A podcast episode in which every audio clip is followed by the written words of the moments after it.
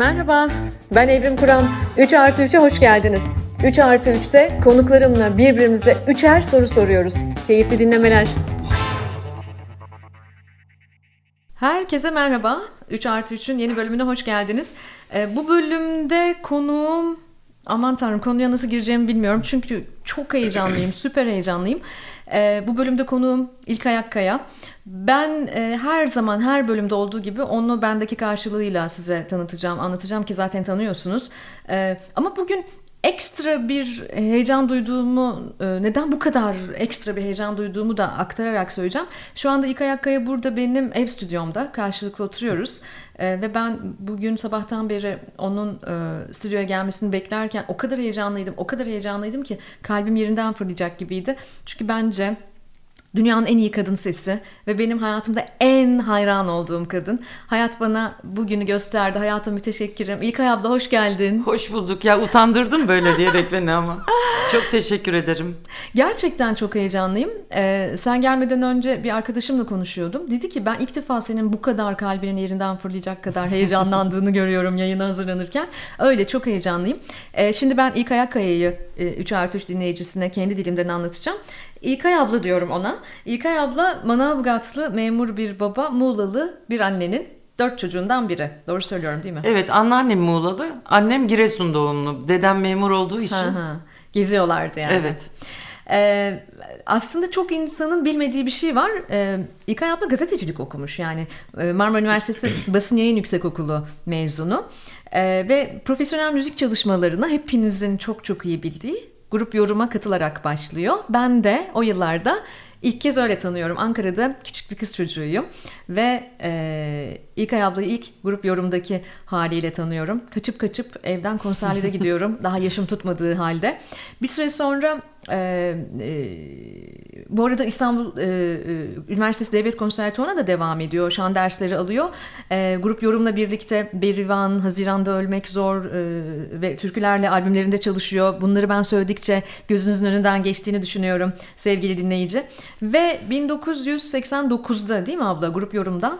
E, 89'un sonu 89'un gibiydi. 89'un sonu gibi grup yorumdan e, Tuncay Akdoğan'la beraber ayrılıyorsunuz. Ve e, 1990'da Tuncay Akdoğan ve İsmail İlknur'la birlikte grup Kızılırmak evet. kuruyorlar. Kızılırmak'lı yıllar e, çok daha uzun sürüyor.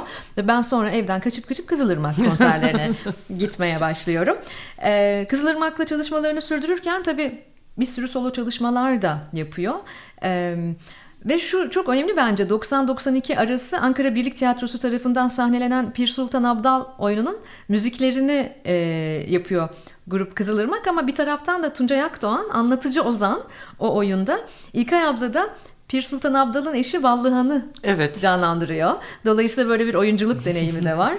Ee, Kızılırmak'la birlikte başka birçok oyunun müziğini de yapıyor İlkay abla. 2003'te e, Zafer Diper'in sahnelediği Talan adlı oyunda da rol alıyor. Devam ediyor bu e, sahne deneyimi, oyunculuk deneyimi.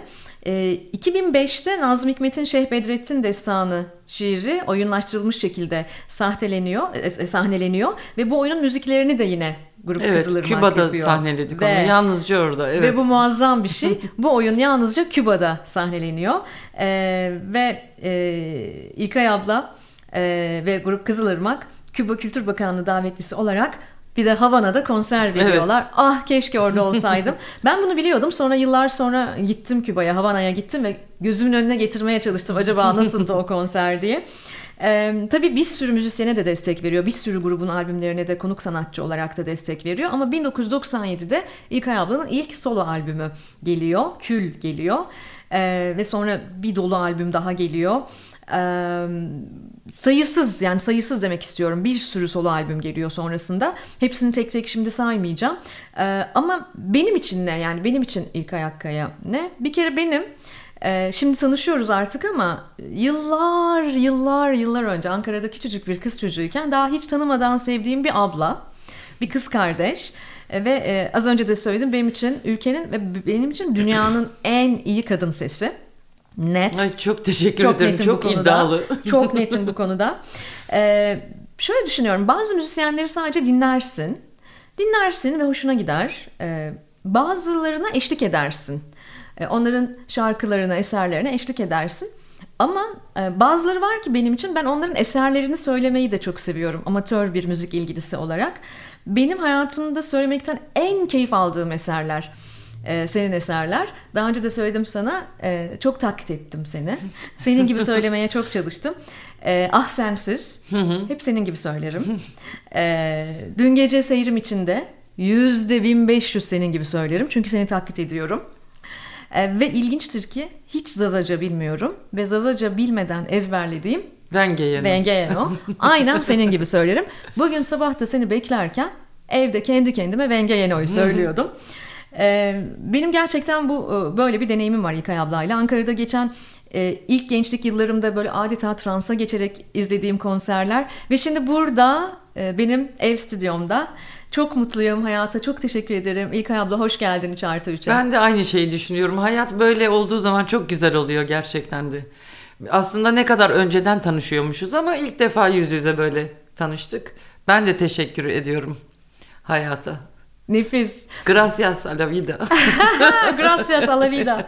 Biz şimdi bir süredir sevgili dinleyici e, aslında epey bir süredir sanırım sosyal medyada takipleşiyoruz İlkay ablayla ama e, ben tabii ona olan aşkımı e, itiraf edemedim hiç yani öyle bir kısmet olmadı yani bir de böyle başını şişirmek istemedim ama bir gün dayanamadım ve dedim ki gelir misiniz 3 artı 3'e ve nihayet bugün buluştuk. Hazır mısın İlkay abla? Evet. İlk sorumu soracağım ve birbirimize evvelce birbirimizle hiç paylaşmadığımız üçer soru soracağız. Birinci sorum şuradan geliyor. Bir sürü sorum var da.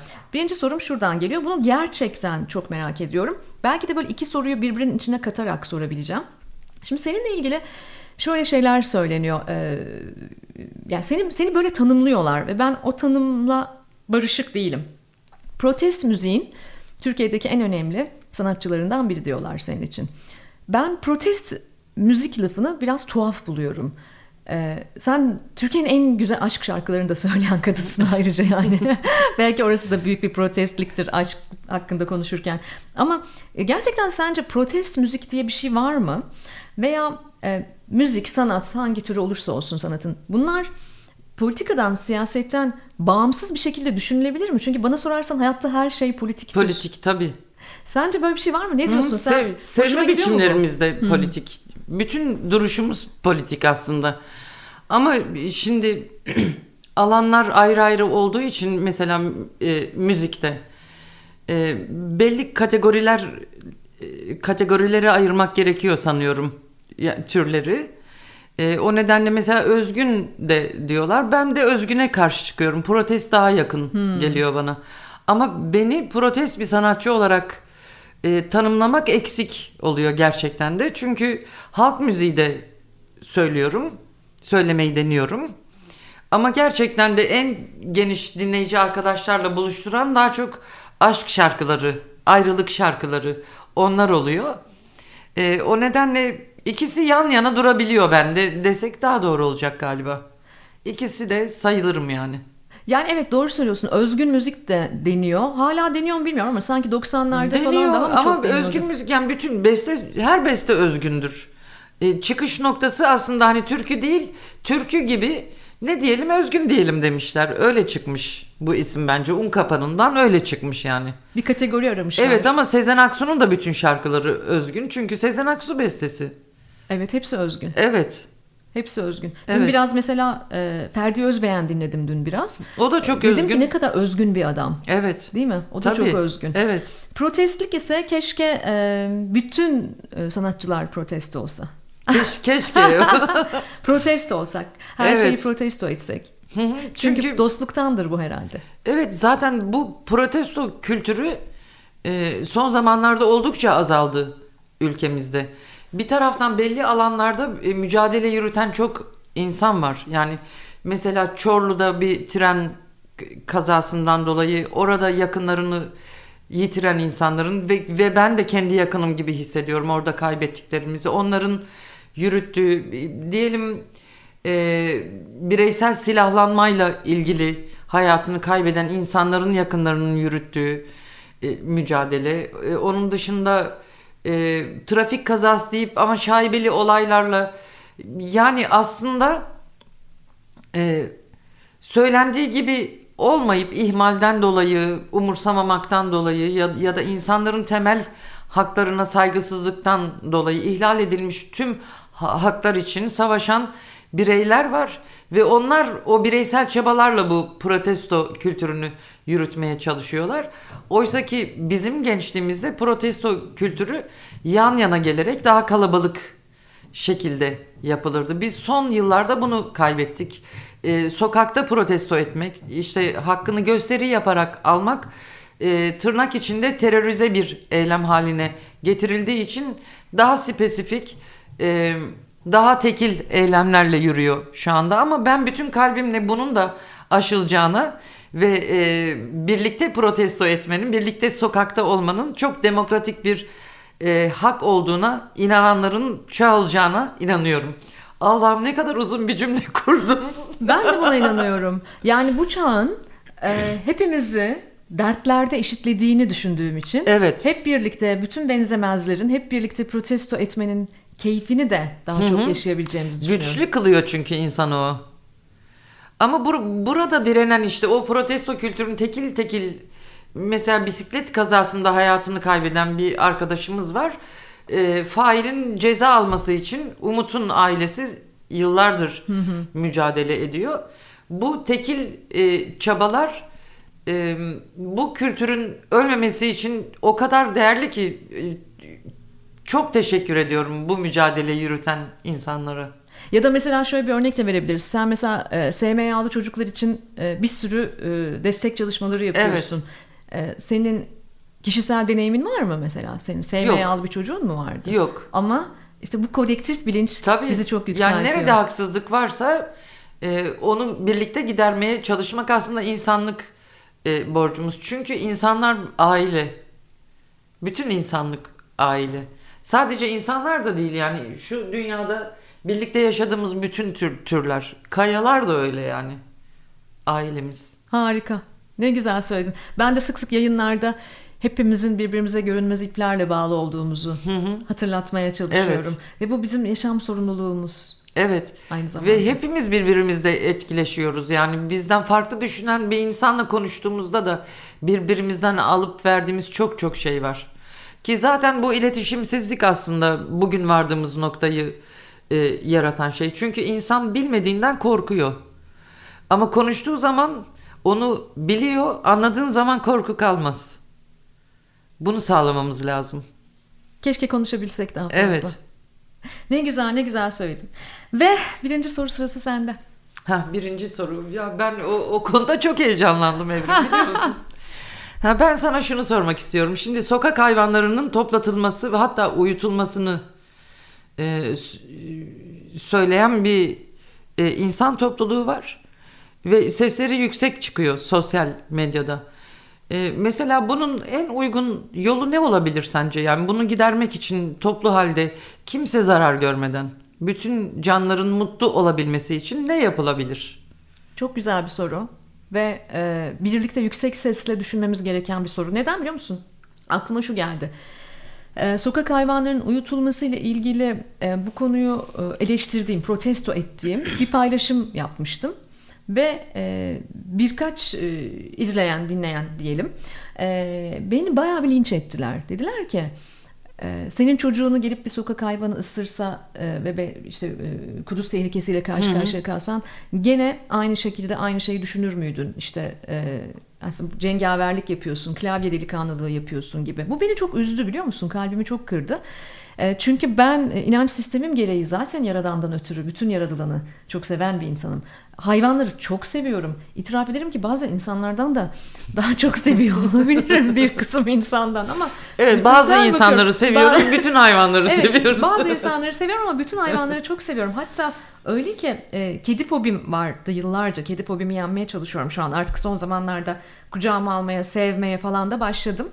Yani Korktuğum halde bile, çok korktuğum halde bile benim için bütün kedilerin de e, sağlıklı, mutlu yaşaması önemli. Hatta gittiğim mekanlarda işte kedileri dışarı atmak için su atarlar ya üzerlerine. Hep de ona kızardım çok kedi fobisi olan biri olarak da. Şimdi burada bütün e, bütün meselelerde olduğu gibi, bütün cinayetlerde olduğu gibi kadın cinayetleri gibi hayvan cinayetleri de politik. Çünkü burada bir sistem sorunu var. evet. Ve bizim bu sistem sorununu giderebilmemiz için yüksek sesle konuşmamız lazım. Toplu halde uyutulmalarını son derece canice buluyorum. Ve bunun sistemik bir çözüm olmadığını da düşünüyorum. Yani bence bugün e, özellikle hayvan bakım evi diye tanımlanan e, oralarda Çok korkunç koşullar var. korkunç koşullar var. Dolayısıyla devletin sorumluluğu insanı yaşatmak gibi tüm canlıları yaşatmak. Yani biz nasıl tek bir ağacın etrafında toplanıp tek bir ağacın derdini bütün dünyaya anlattıysak Evet. tek bir hayvanın da derdini bütün dünyaya Ki anlatmamız o, lazım. o, o tek ağaca Anadolu kültürü yüzyıllar boyunca e, o kadar sahip çıkmış ki o dilek ağaçları vardır vardır Evet. mesela. Herkes kendi dileğini yazıyor oraya. Yani çözülmesi istediği Ya. çözülmesini istediği derdi oraya not ediyor. Tanrısal bir gücü var ağacın. Evet, öyle öyle bir kültürden Evet. geliyoruz. Öyle bir kültürden Yani geliyoruz. hayvanlarda da öyle. Şimdi söyleyebilir miyim ben de Lütfen, düşüncemi? tabii ki lütfen. Şimdi uyutulması için bu kadar yüksek sesle mücadele eden insanların aradan geçen bunca yıl boyunca onların asıl kısırlaştırılması için mücadele etmesi gerekirdi. O zaman böyle bir sorun olmazdı. Yani yaşatma etrafında değil öldürme etrafında birleşmeyi çok tehlikeli buluyorum. Ben de öyle düşünüyorum. O yüzden de mesela e, ne zaman Türkiye'de e, vahim bir olay yaşansa, misal bir kadın cinayeti gibi bir olay, e, idam cezası gelsin diye e, ayağa kalkmayı da çok vahim buluyorum bir yanıyla. Çok vahim buluyorum. Yani çok e, agresif ve taktiksel tavırlarımız olduğunu düşünüyorum. Bence bütünsel, kapsayıcı ve stratejik tavırlarımız olmalı hayatta. Tüm canlıları yaşatmaya dair. Bu konular, bu düşüncelerim sanırım Kanada'ya yerleştikten sonra daha fazla olgunlaştı abla. Çünkü orada bir kuru ağaç için bile insanların ne kadar büyük mücadele verdiğini Evet. veya e, yoldan geçen bir e, kas sürüsü için trafiğin nasıl durduğunu ve asıl olanın orada bir sincabı ne kadar yaşatmak olduğunu gördükçe bu bende daha da perçinlendi. Hatta bu Türkiye sosyal medyasına mizahi bir şey olarak da düşer. Yani Kanadalılara bak hiç dertleri yok bir tane sincap için e, bir polisin ağlarken fotoğrafı yayınlanıyor falan. Ama e, bir sincapla bir insan arasında yaratılış gereği zaten bir fark yok ki. İşte insanların bunu kabul etmesi gerekiyor. Öğrenecekler tabii evrimin bir noktasında Evet. ama Öğreneceğiz. Ö- öğrenilecek Öğreneceğiz. yani. Yani bu e, şöyle değil işte bir hayvan edinmek, bir e, pet shop'tan gidip bir hayvan satın almak falan. Bununla alakalı bir durum değil bu. Böyle değil. Yani Evet. ben işte evden evimde zaten ben hayvan besliyorum. Ben hayvanları çok seviyorum. Benim evimde iguana var gibi bir şey değil bu. Bence insanların özgürlüklerine ve yaşam alanlarına saygı duymakla ilgili bir şey ve hayvanların da tabii ki. tabii ki bütün türlerin. Bütün türlerin. Evet. Bütün türlerin. Ee, Evet enteresan bir soru oldu. İyi ki sordun bunu. Çok tartışmaya açık bir konu ya ben de istiyorum ki Bence bunları konuşmamız tartışalım. gereken evet. bir konu. O yüzden onu sormak istedim. Evet bunları İkinci sorum da hazır ama üçüncüyü daha bulamadım. Dur bakalım belki yolda bulursun. o zaman şimdi ikinci soru sırası bende. Ee, yani e, şunu sormak istiyorum. Geçenlerde e, hangi programa e, çıktı hatırlamıyorum ama Ata Demirer bir programa çıktı. E, ve o programda e, ona nasıl bir cumhurbaşkanı hayal ediyorsun diye bir soru soruldu. Çok sevdim ben bu soruyu. Ve dedim ki bunu çalsam acaba soruyu ayıp olur mu? Ama bu soruyu sana sormam çok yakışık alır diye de düşündüm. Ha, teşekkür Önümüz ederim. seçimler.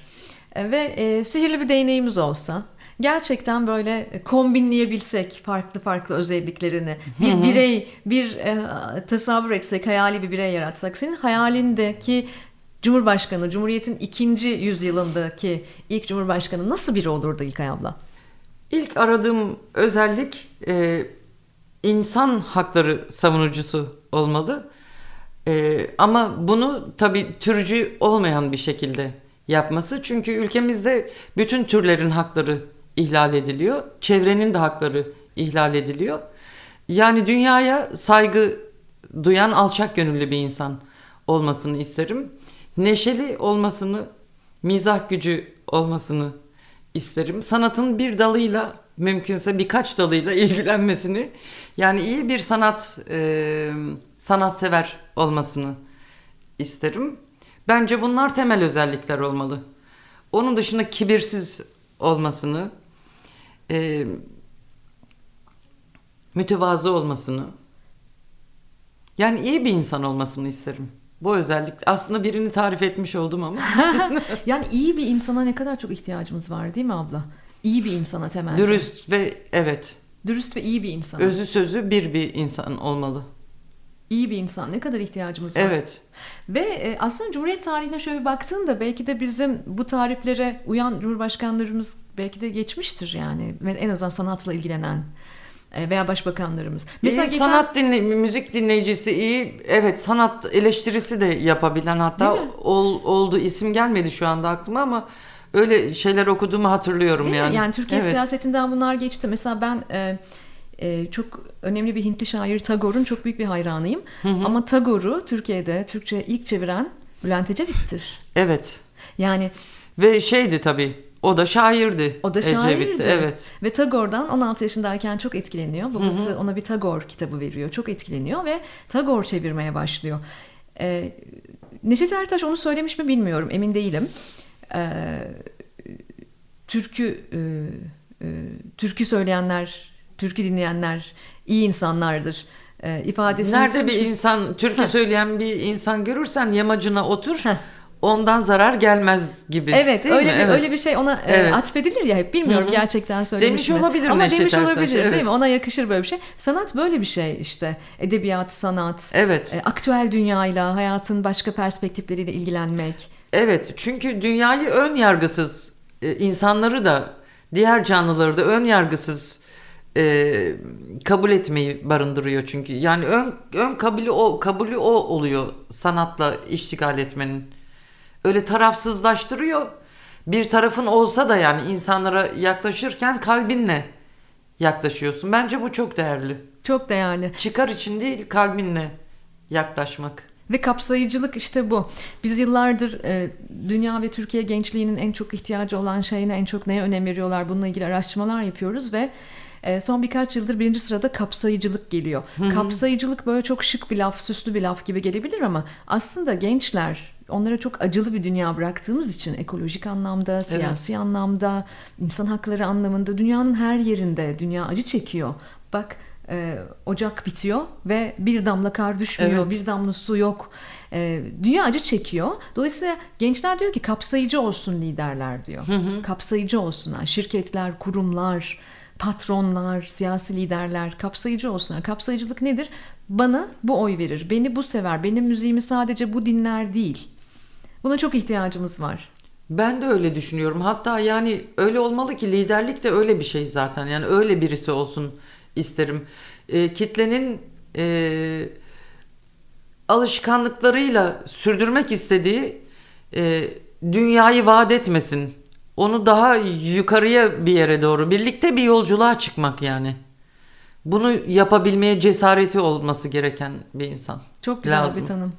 Birlikte bir yolculuğa çıkmak. Bu işin içinde evet. birlikteyiz. Daha uzağa gidebiliriz yani. Evet. Bu işin Ama ruhumuzu da yanımıza alarak yani. Harika. Ruhsal olanı da eksik bırak. Bütünleşmeye ihtiyacımız var. Çünkü e, son zaman yaşananların tümü yani hem üretim ilişkileri hem pandemi koşulları gerçekten çok parçaladı kimliklerimizi. Ee, sadece ülkemizde değil bütün dünyada o ruhsal ve bedensel bir, birliği tekrar inşa etmek için gerçekten e, birlikte mücadele etmemiz gerekiyor. O bir slogan var ya kurtuluş yok tek başına ya hep beraber ya hiçbirimiz diye. Ben ona çok inanıyorum. Öyle olmalı. Böyle düşünen biri olmalı. O zaman bu şahane dilekleri gönderelim kainata. Önümüzde Gönderdik şu an yola çıktı onlar. Gönderdik yola çıktı. Önümüzde seçimler var. Türkiye seçim sürecinde ve şu an Türkiye medyasında Türkiye'nin bütün masalarında, evlerinde, e, sokaklarında evet, her yerde bunlar konuşuluyor. Evet, uyanıp uyanıp bakıyoruz aday evet, belli oldum. Aday belli oldum dediğimiz günlerdeyiz. İnşallah her kim olursa olsun kapsayıcı, iyi bir insan ve e, yaradılanı seven Evet. Bir insan olsun. Kalbi evet. sevgiyle göğüs kafesinde bir sevgi olsun. Bir sevgi evet. olsun. Kalbi o işe de yarasın. Hı hı. Öyle bir insan olsun. Çok güzel. İçime sindi vallahi. Güzel gönderdik buradan. Evet. iyi dilekleri. dilekler. Harika. Ve ikinci soru sırası sende. Şimdi bu, bu da yine şeyle ilgili başka bir türle bu sefer bitkilerle ilgili. Hı. Ben bir araştırma okudum. Ee, diyor ki mesela baltayla bir ağacın yanına gittiğinde o bunu hissediyor ve e, çok büyük strese giriyor. Yani öleceğini biliyor. Ya da evinde baktığın çiçeklere yanlış bir şey yaptığında onu koparttığında çığlık bile çığlık sesi geliyormuş. E, belli frekanslarda dinlemişler onları. E, senin bitkilerle mesela bu yönleriyle daha önce yüzleşmiş miydin ya da e, onlarla ilgilenirken çünkü çok bitki gördüm. Bunu fark etmiş olman lazım. Yani sevdiğin zaman onların daha gümrah olduğunu, daha güzelleştiğini. Dikkat etmiş evet, miydin dikkat buna? ettim.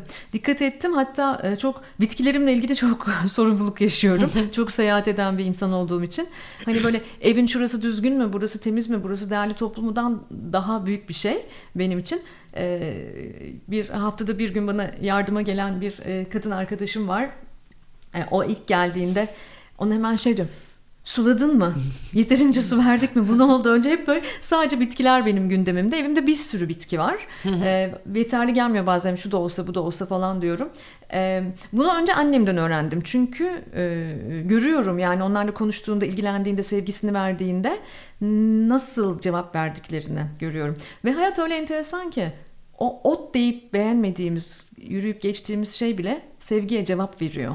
Evet 3 kilometre öteden e, hissedebiliyorlarmış bir bitkiye zarar veren bir insanın varlığını ve strese giriyorlarmış. Ve düşün ki insan insan nasıl dayanıyor? Evet. İnsan ve nasıl mesela dayanıyor? en gelişmiş canlı insan diye biliyoruz. Bizim bilgimiz böyle. Ama şu bilgiye bakar mısın ondaki bilgiye? Evet. Evet. Bitkiler benim için çok önemli. Alttan yani yine sözünü kesiyorum. Orman bir ağacı yok etmek istediğinde alttaki örgütlenmesiyle yok ediyormuş gerçekten bir internet ağı gibi bir şey varmış ormanların altında. Evet gerçekten bir internet evet. ağı var. Evrenin mükemmel bir matematiği var. Evreni iyi izlersek, iyi okumaya çalışırsak bence mükemmel bir matematiği var. Evet. Ve e, öyle bir sistem ki bu. O sistemi biz simüle ediyoruz ve bugün kapitalizmin bize dayattığı günlük yaşantımızda uyguluyoruz aslında hı hı. baktığında. Evet. O yüzden bence bitkiler önemli. Evet e, böyle çiçeklerin koparılmasını falan değil de dalında sevilmesini mesela çok seviyorum ben. Hı hı. Hep de öyle derim dalında sevdim. İnsanlar da birbirlerini dalında sevmeli evet. diye düşünürüm. Evet. Bitkilerle ilişkim böyle çok seviyorum. Yaşım ilerledikçe daha da çok seviyorum. Bir yandan da vejeteryanım ben. Ben de. bir yandan da böyle bir konu var. Ee, serde vejeteryanlık olunca bir taraftan da e, hep şuna inanıyordum. İşte ben gözü olan bir şey yemek istemiyorum. Yani Hı-hı. bir e, kendim gibi bir canlı yemek istemiyorum. Sonra bitkilere baktığımda hafta sonu İzmir'de Urla'daydım. E, ve tabii ki e, bitki diyarı.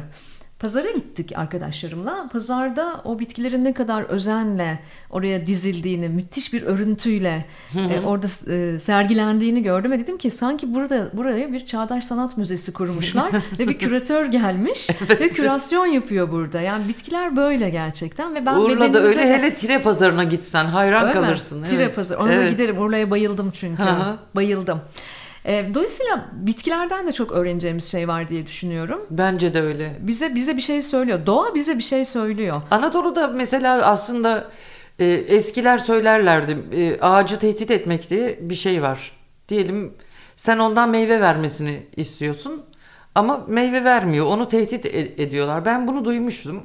Eski eşim dedi ki bir gün portakal ağacını diktim Kaç seneden beri o kadar çiçek açıyor hiç meyve vermiyor. Dedim ki al baltayı gel. Gittik portakalın yanına. Ona söylemiştim önceden. Keseceğim bunu de diye. Keseceğim dedi. Ben de hayır yapma dedim. Ee, kıyma ona bu sene verecek o. Söz, söz veriyoruz sana dedim.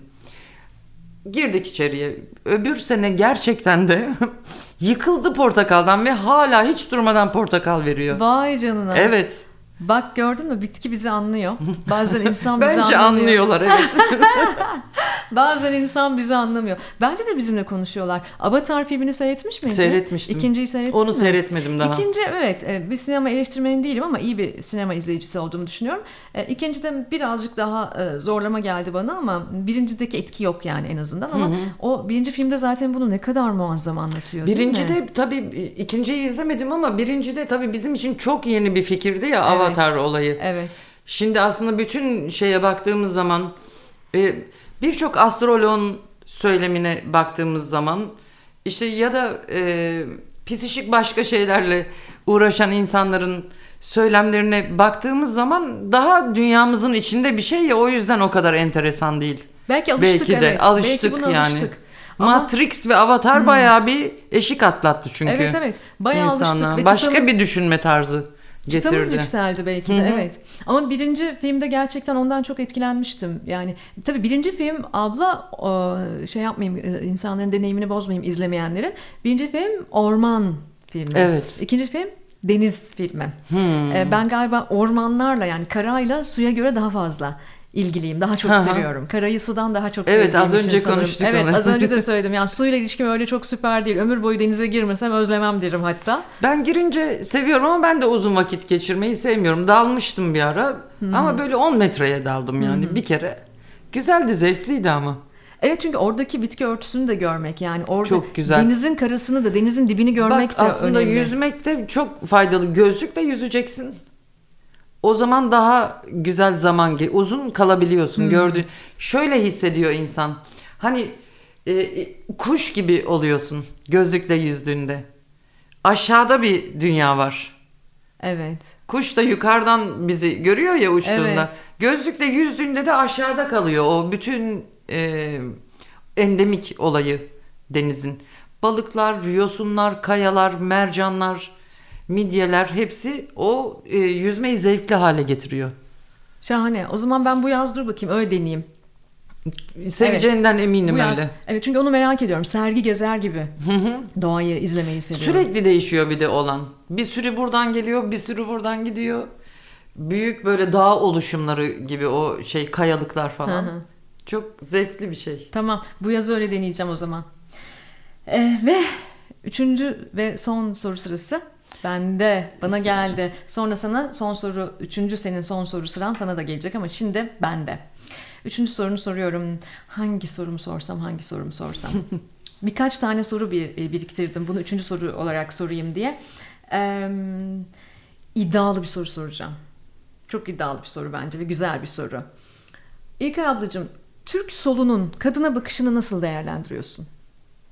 Türk solunun kadına bakışı son e, yıllarda kadın mücadele sayesinde oluşmaya çalışan bir bakış açısı bence. Oluşmaya çalışıyor diyorsun. oluşmaya çalışıyor. Ee, kadınlar hakkında erkeklerin e, konuşmaktan, fikir vermekten, karar vermekten e, vazgeçmesi gerekiyor. Bunu yavaş yavaş anladılar. Yani e, söz, yetki, karar, iktidar halka diye bir sloganımız var ya. Kadın söz konusu olduğunda da bütün bu e, kavramların kadına ait olması gerekiyor. Sözünde, yetkinin kararında. Bunu tamamen hayata geçirebildiklerinde oluşacak. Bunun içinde birazcık söylemi değiştirmeleri gerekiyor ki e, kadınların söyleminde de erkek eril bir yan var. Bu, bu buradan e, çıkmayı birlikte başarabileceğiz ama erkeklerle. Bence tam da bir dönüşümün ortasındayız toplum olarak ama dönüşümler e, çok çabuk olan şeyler değil. Belli kuşakların geçmesi gerekiyor. Bizim handikapımız şu e, toplumdaki uzun yıllardan beri süren e, eğitim anlayışının da eril olmasından dolayı o şekilde biçimlenmiş çocuklarımız şimdi bir nesil olarak büyüyorlar. Fakat statükonun da karşısında durmayı da öğrenmiş bir nesil olarak geldikleri için gençlerin kendilerini dönüştürme noktasında daha yeterli olacaklarına inanıyorum ve bizi de dönüştürebileceklerini düşünüyorum. Umutsuz değilim. Yani bütün toplumla birlikte aslında sol da öğreniyor ama tabii ki doğası gereği sol daha çok şeyi öğrenmiş ve dönüştürmüş durumda zaten. O nedenle de şanslı. Belki de evet belki dinleyici şimdi şöyle düşünebilir. Yani niye Türk sağının değil de Türk solunun Ama çünkü o dönüşümü diye. sol yapabilir ancak. Evet bunu bunu özellikle sormak istedim. Çünkü devrimci bir e, hal, hareket ve tavır gerekiyor burada ve e, solun iddialarından biri de buradaki kapsayıcılık zaten değil mi? Buradaki kapsayıcılık. O yüzden ben e, Türk solunun biraz daha biraz daha ileride olması gerektiğini bu konuda düşünüyorum ne yalan söyleyeyim ama oraya baktığımda da orada da hala eril bir dil görmeye devam ediyoruz. Yine de konuşarak yüksek sesle konuşarak tartışarak Tabii. e, bunları bunları tartışmaya açmak Ya da mesela güzel. biz bunu Gezi'de de yaşadık ki o da solun başarısıydı. Yani eril küfürlerin duvarlardan silinmesi falan. Yani Evet. kadın haklarının korunmaya çalışılması çevreyle birlikte bence çok değerliydi. Öğretici bir süreçti. Her insan için aslında ufak da olsa bir şeyleri değiştirdi zihinlerde bence. Bence de. Evet tetikledi bizi. Dürttü, Evet. hatırlattı bütün kuşakları. Evet çünkü e, kurtulmaya çalıştığın e, sistemin özelliklerini taşımaman lazım gerçekten dönüştüreceksen. Yani her e, gelişmiş e, yaşam biçimi tahayyül edildiği, edildiği andan itibaren o hayata onun tohumunu atıyorsun aslında ve o tohum bir zaman istiyor gelişebilip serpilebilmek için. Bence o, o süreci yaşıyoruz şu anda. O halde ümit var olduğun bir dönem olduğunu söyleyebilir miyiz genel olarak tüm sıkıntılarına rağmen Türkiye'nin? Ben e, ben her zaman ümit varım yani umudum kırıldığında bile çünkü daha çok küçük bir çocukken Sevgi Soysal'ın bir sözüne çok çok inandım ben çok beğenmiştim. Hep de öyle düşündüm. Ağacın en güzel filizi en yoz yerinden çıkar diye. Tam böyle olmayabilir ama en güzel filizi en yoz yerinden filizlenir. İşte hayata merhaba de- der. Böyle diyebiliriz. Buna inanıyorum gerçekten de. Çok güzel. Bir çürüme olmadan, bir fermentasyon ya da olmadan yeni bir şey çıkamaz yani. Çok güzel. Ben de tam bu yüzden bu kadar ümit varım memleketle ilgili. Ben de bunun bir yaratıcı yıkım süreci olduğunu düşünürüm hep. Yani bütün bu çökmenin, yozlaşmanın, yıkımın, ekonomik, ekolojik, ahlaki, aklına Evet. ne gelirse e, bütün bu çöküşün altından böyle yepyeni filizlerin çıkacağına inanıyorum. Hani bu ikinci yüzyıl romantizmine girmek çok istemesem de bu ikinci yüzyılın bu öğretilerle geldiğine Evet. inanmaya çalışıyorum. Belki de böyle ayakta kalıyorum. Yani sağlam bir inanca tutunarak. Evet, diğer kamlık çok önemli. Onu hiç bırakmamak lazım. Karşındakinin acısını hissedebilmek. Onu anlamaya çalışmak bence çok çok önemli. Harika. Hazır mısın son sorunu sormaya? Tamam hazırım. Hadi bakalım. E, ne kadar zamandır vejeteryansın ve veganlığa nasıl bakıyorsun? Çok güzel soru. İki kere denedim. Vejeteryanlık sürecimi iki kere denedim. Bu ikinci denemem benim. Ve bu ikinci denememde veganlığa e, doğru gideceğim dedim. Fakat e, birinci denemem 3 yıl sürdü. Ve iyi beslenmedim ve özellikle B12 değerlerim, kan değerlerim falan düşünce böyle doktor kontrolünde et yemeye başladım ben. Ama çok mutlu olmadım, çok sevmedim. Sonra Kanada'daki hayatımda ben yeniden vejeteryan oldum. 3 yıldan fazladır vejeteryanım. E, yine e, e, Türkiye'ye döndükten sonra yine böyle kan değerlerim bozulmaya başladı. Çünkü e, tabii ki hayatlara saygı, insanların tercihlerine saygı ya da alakalı bir şey. E, Kanada'da çok daha rahat besleniyordum. Çünkü her şeyin Tabii. alternatifini çok rahat Evet. bulabiliyordum. Burada biraz zorlanıyorum. Et yemeye çok e, çok isteyen, çok seven bir toplumuz. E, veganlığa çok olumlu bakıyorum. Bir kere e, ben benim vejeteryanlığımın bedenimde verdiği bana en kuvvetli his sabahları çok daha güzel, hafif uyanıyor olmak. E, ve bir e, bir şekilde e, kanlı bir sürecin parçası olmak istemiyorum. Yani öyle bir ruh halim de var. Yani Evet. kanlı bir sürecin parçası olmak istemiyorum. Biraz pesketeryan besleniyorum. Arada sırada deniz mahsulleri yiyorum arada sırada ama e, veganlık eğer mümkün olsa gerçekten hani bu e, çünkü o kadar e, zor ki o vegan besinleri seçebilmek. Evet, Türkiye'de şu Türkiye'de an halen çok zor. Çok zor. Bir de yaşam biçiminin uygun olması lazım Evet, abla bir yani. de öyle bir şey sunuldu ki aslında bu da bir endüstri haline e, geliyor gibi. Yani vegan bir yemek e, dışarıda yemeye çalıştığında çok pahalı sunuluyor. Oysa ki en ucuz beslenme şekli veganlık. Yani bizim kapuskamız mesela vegan yani.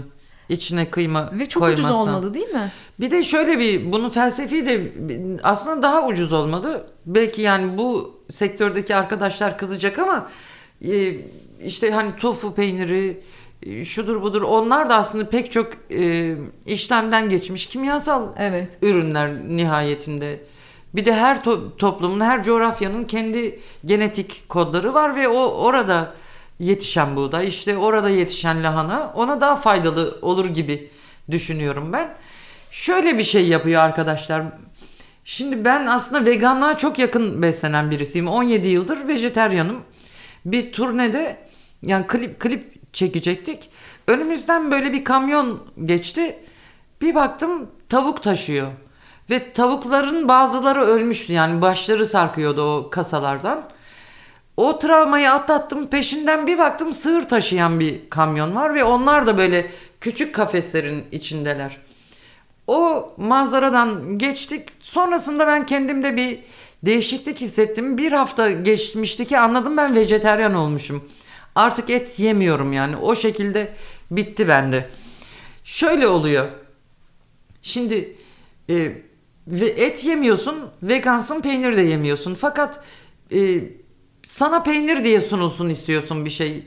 Nişastadan, limondan bir şeyden yapmış bu peynir diyor sana. Peynirle alakası yok. Peynir değil ki o. Evet. Ben de şimdi bazı vegan yiyecek çeşitleri kendim buluyorum. İçli köfte mesela. Ama ona küf, köfte demiyorum ben. İsmini peynir, e, bulgur pufu koydum. İçine iyi. mercimekli, cevizli falan güzel iç koyuyorum. Dışı içli köfte. İçinden maydanozuyla, ceviziyle mis gibi bir şey. Bir gün gelirsen sana da Vav, yaparım. Süper. Urla'da vegan içli köfte gördüm bir yolda yürürken e, bir e, kafenin e, önündeki yazıda ve çok canım çekti bu hafta sonu. Vay dedim bu çok güzel bir şeydir herhalde. Ben yaparım sana ondan. Kesin ben de geleceğim. artık böyle hani o terk ettiğimiz şey köfteymiş, peynirmiş bu gibi şeyleri e, barındırmayan isimler koyuyorum. Yeni yemekler buluyorum kendi kendime. Çok iyi fikir. Zaten sözcükleri değiştirirsek hayatımız değişiyor. Evet peynir değil yani ona bir de peynir demek ayıp. Ben mesela lor yiyorum. Nişastadan peynir mi olur? Evet ben tofu yiyemiyorum. E, fikren de karşıyım. Tadını da sevmedim zaten denediğimde ama fikren de söylediğin sebeplerle karşıyım ama ben e, lor yiyorum sadece. Lorun, Evet.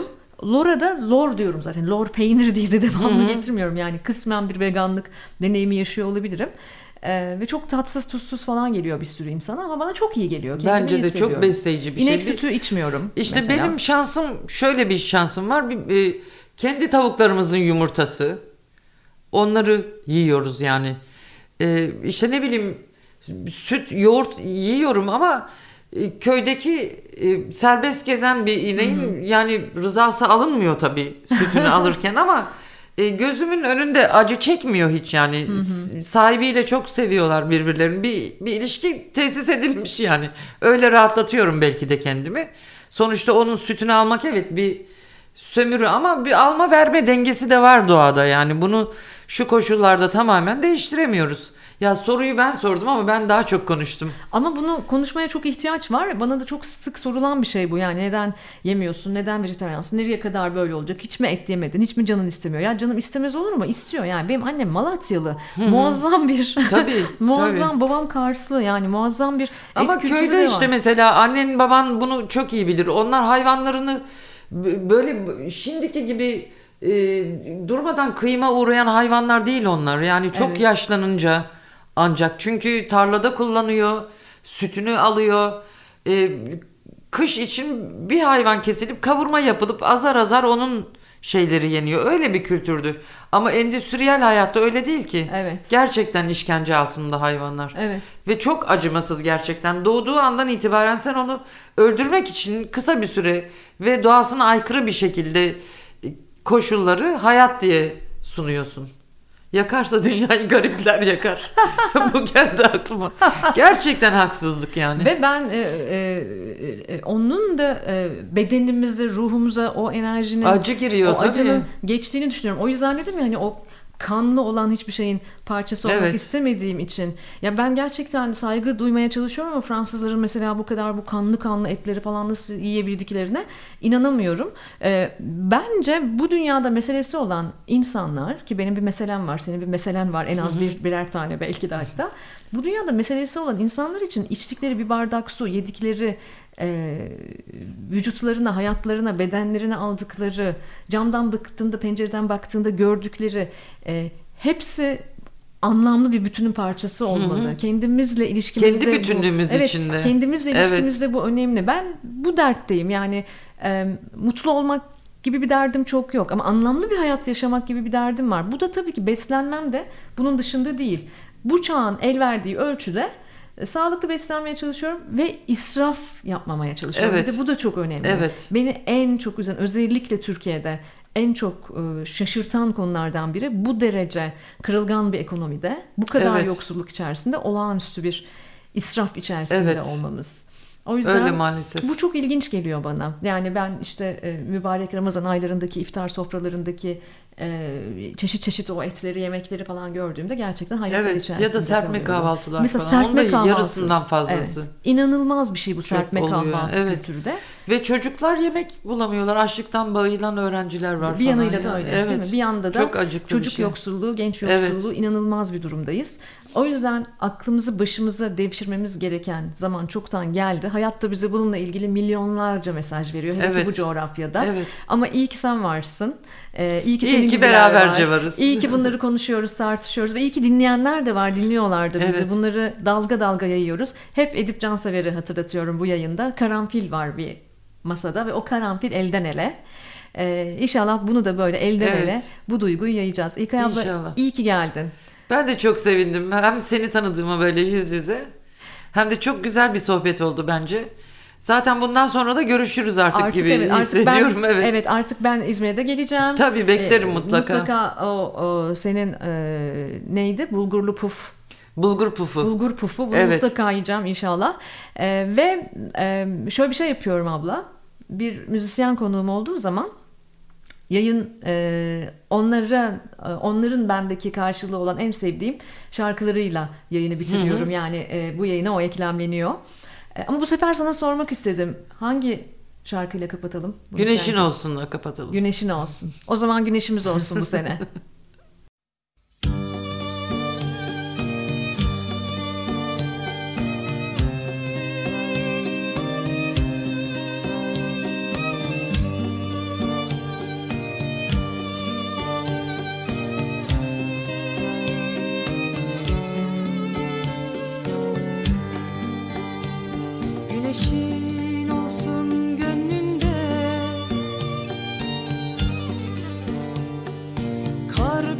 yağsa ya da fırtına olsa Gök bulutlarla ve dünya kavgayla dolsa Güneşin olsun gönlünde. O zaman gelsin ne gelirse Doldurur ışıklarla en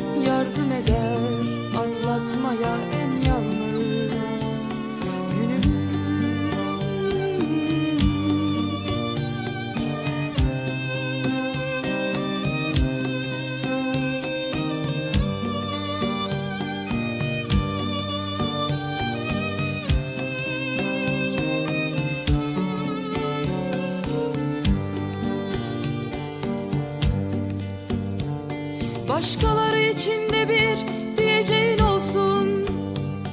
Tasada ve bunalımda